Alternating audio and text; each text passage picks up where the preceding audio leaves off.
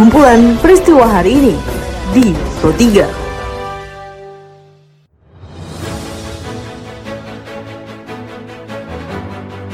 Halo pendengar, saat ini Anda sedang mendengarkan kumpulan peristiwa Pro 3. Pada podcast kali ini saya akan mengulas terkait isu-isu aktual yang saat ini masih hangat atau ramai diperbincangkan di sekitar kita. Tentu saja pendengar, nanti akan saya hadirkan cuplikan informasi dari reporter kami. Bersama saya Karisma Rizky, inilah kumpulan peristiwa Pro 3 di ruang dengan podcast Anda. Pendengar, sebelum saya masuk dalam beberapa isu aktual yang akan saya hadirkan sesaat lagi, saya akan mengundang Anda untuk mampir ke laman berita kami di rri.co.id. Anda juga bisa memfollow Instagram, Twitter, dan Facebook kami di @rri_programa3. Baiklah pendengar, inilah kumpulan peristiwa Pro 3. Pendengar Presiden Joko Widodo memberikan penghargaan bintang Jalasena dan kenaikan pangkat satu tingkat lebih tinggi kepada 53 kru KRI Nanggala 402 yang gugur di perairan utara Pulau Bali. Selain itu dalam keterangan pers di Istana Merdeka yang diikuti reporter Pro 3 RRI Pradip Tarhadi, Kepala negara juga menyatakan pendidikan anak-anak para prajurit yang gugur tersebut akan dijamin oleh negara. Negara akan memberikan penghargaan kenaikan pangkat satu tingkat lebih tinggi serta bintang jasa Jalasena atas dedikasi pengabdian serta pengorbanan prajurit-prajurit terbaik tersebut. Pemerintah juga akan menjamin pendidikan putra-putri dari keluarga prajurit KRI Nanggala 402 hingga jenjang pendidikan S1. Berdasarkan laporan reporter Noviana Gebi, pendengar Gubernur DKI Jakarta Anies Baswedan menghimbau masyarakat untuk mengurangi aktivitas di luar rumah utamanya saat berbuka puasa bersama dalam upaya menekan potensi penyebaran COVID-19. Betul-betul kurangi aktivitas buka bersama. Jadi bukalah di rumah, bukalah di tempat-tempat yang tidak merupakan kerumunan karena pada saat buka bersama harus membuka masker dan di situlah letak masalah utamanya.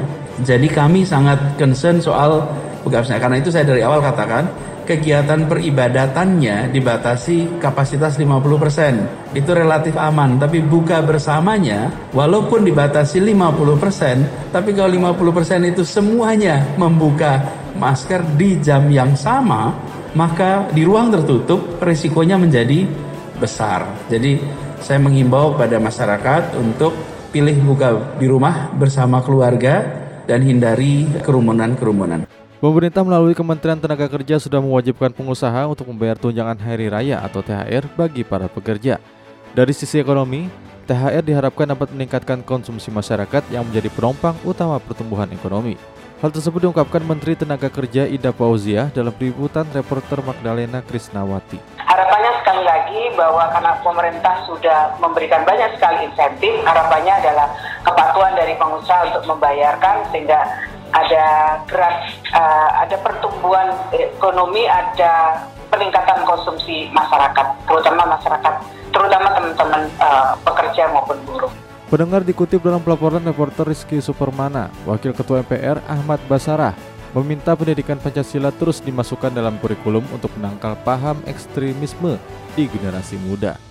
Kalau hari ini ada yang mengatakan bahwa Pancasila itu adalah produk togut, produk kafir, bertentangan dengan ajaran Islam, maka sesungguhnya mereka telah menistakan ijtihad para alim ulama pendiri bangsa Indonesia ini. Nah, narasi ini saya kira perlu terus dikembangkan baik di sekolah-sekolah maupun di lembaga-lembaga pendidikan non formal lainnya agar seluruh masyarakat Indonesia paham bahwa Pancasila ini benar-benar satu kesepakatan perjanjian luhur para pendiri bangsa kita.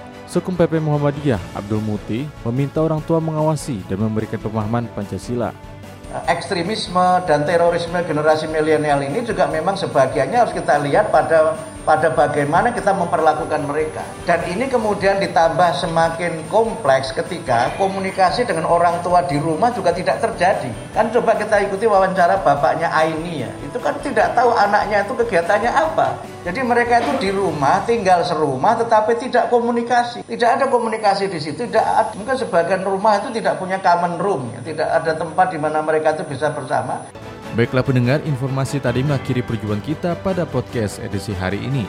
Anda juga bisa mendengarkan podcast edisi hari lainnya di Spotify dengan hanya mengetik Pro 3 RRI di kolom pencarian Anda.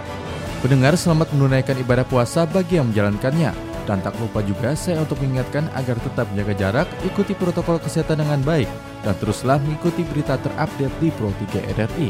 Saya Karisma Rizky, sampai jumpa jalanan ibu kota DKI Jakarta Kumpulan peristiwa hari ini di Pro 3.